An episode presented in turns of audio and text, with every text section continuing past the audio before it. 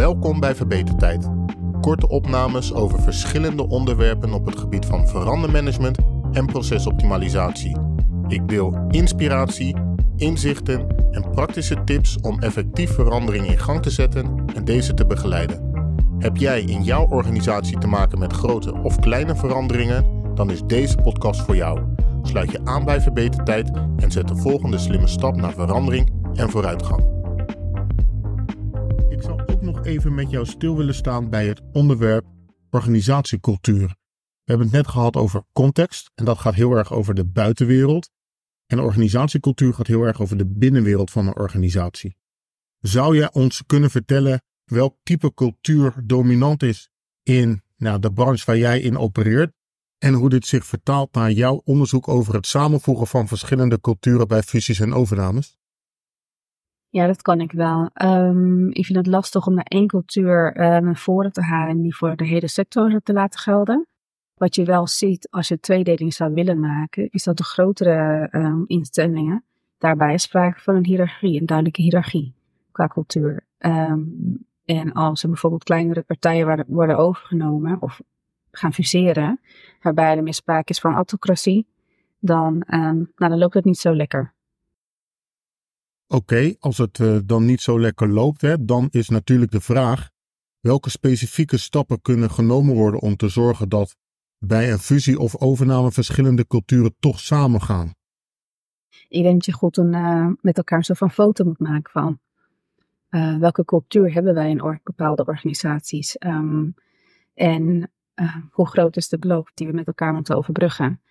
En wat ik zelf een hele belangrijke vind, is dat we niet alleen naar de organisatie kijken en naar de mensen um, die die stap moeten maken, maar dat we daarmee wel de klant of uiteindelijk de cliënt in, uh, voor ogen houden. Van waar doen we het voor?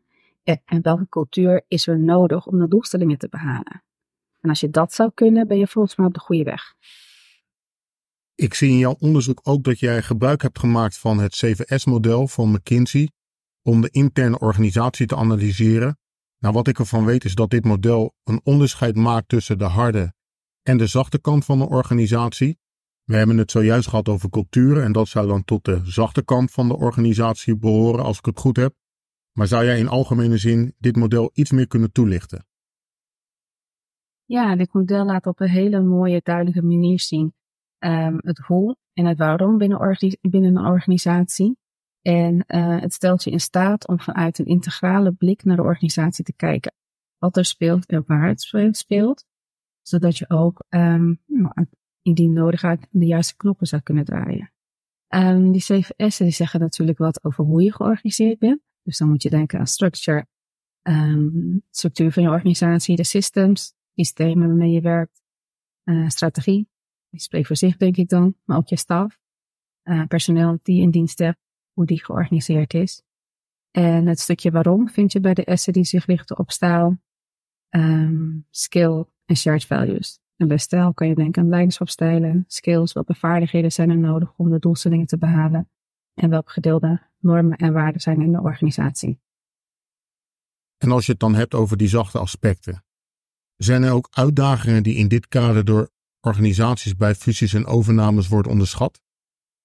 Ja, ik heb het in mijn uh, meesterwerk over de zachte kant. Ik kijk naar de due diligence. Ik denk dat je dat bedoelt. Due diligence, dat is het onderzoek wat je vooraf doet voordat je gaat fuseren. En het staat eigenlijk voor gepaste zorgvuldigheid. Dus je kijkt gewoon heel zorgvuldig naar de andere organisatie. Uh, hoe staan ze er financieel voor? Uh, hoe zijn ze georganiseerd? Hoe zit hun IT in elkaar? IT-landschap. Daar kijk je heel goed naar om te weten wat je eigenlijk als het ware in huis haalt. En um, die, uh, die diligence, de gepaste zorgvuldigheid, die laat zich opdelen in twee onderdelen. De zachte kant en de harde kant. En um, aan de harde kant moet je denken aan het werk dat door uh, consultancybureaus wordt verricht of door juristen. Die kijken naar dat soort dingen. Um, de cijfers, de boeken, de juridische kant. En de zachte due diligence, dat is iets wat heel mooi door HR zou kunnen worden opgepakt. En die zouden kijken naar welke leiderschapsstijl is dominant. Wat is er gewenst? Wat zijn de waarden en normen uh, in, dit, in de organisatie? En die kunnen ook vaststellen of er sprake is van hele grote verschillen tussen twee organisaties. Oké, en kun je dan toch iets meer vertellen over de zaken die organisaties vaak over het hoofd zien en welke uitdagingen ze hebben? Jazeker. Um, je krijgt met uitdagingen te maken wanneer er, er sprake is van tegenovergestelde um, culturen, als het ware cultuurclashes. Dan denk je dat um, de harde kant van de due diligence gewoon mooi is afgevinkt. Financieel ziet het er goed uit. Maar als de culturen niet bij elkaar passen of niet verenigbaar zijn, dan uh, is dat zeker een hele grote uitdaging. Of leiderschapstijlen die gewoon niet uh, ja, met elkaar stroken.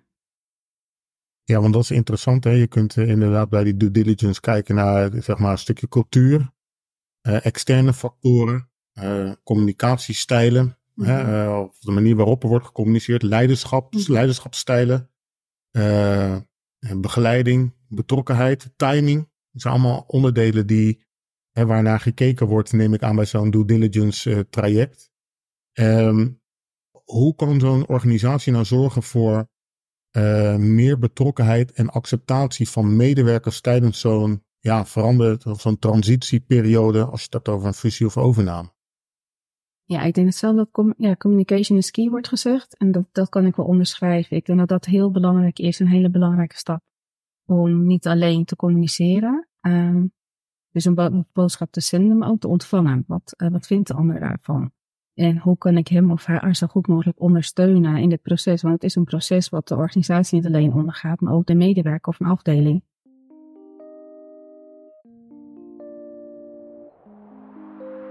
Nou, dat was het voor vandaag. Hopelijk heb je nieuwe inzichten gekregen en ben je enigszins geïnspireerd om verandermanagement nog serieuzer te nemen. Maar blijf vooral op de hoogte voor meer boeiende onderwerpen. Tot de volgende keer bij Verbetertijd.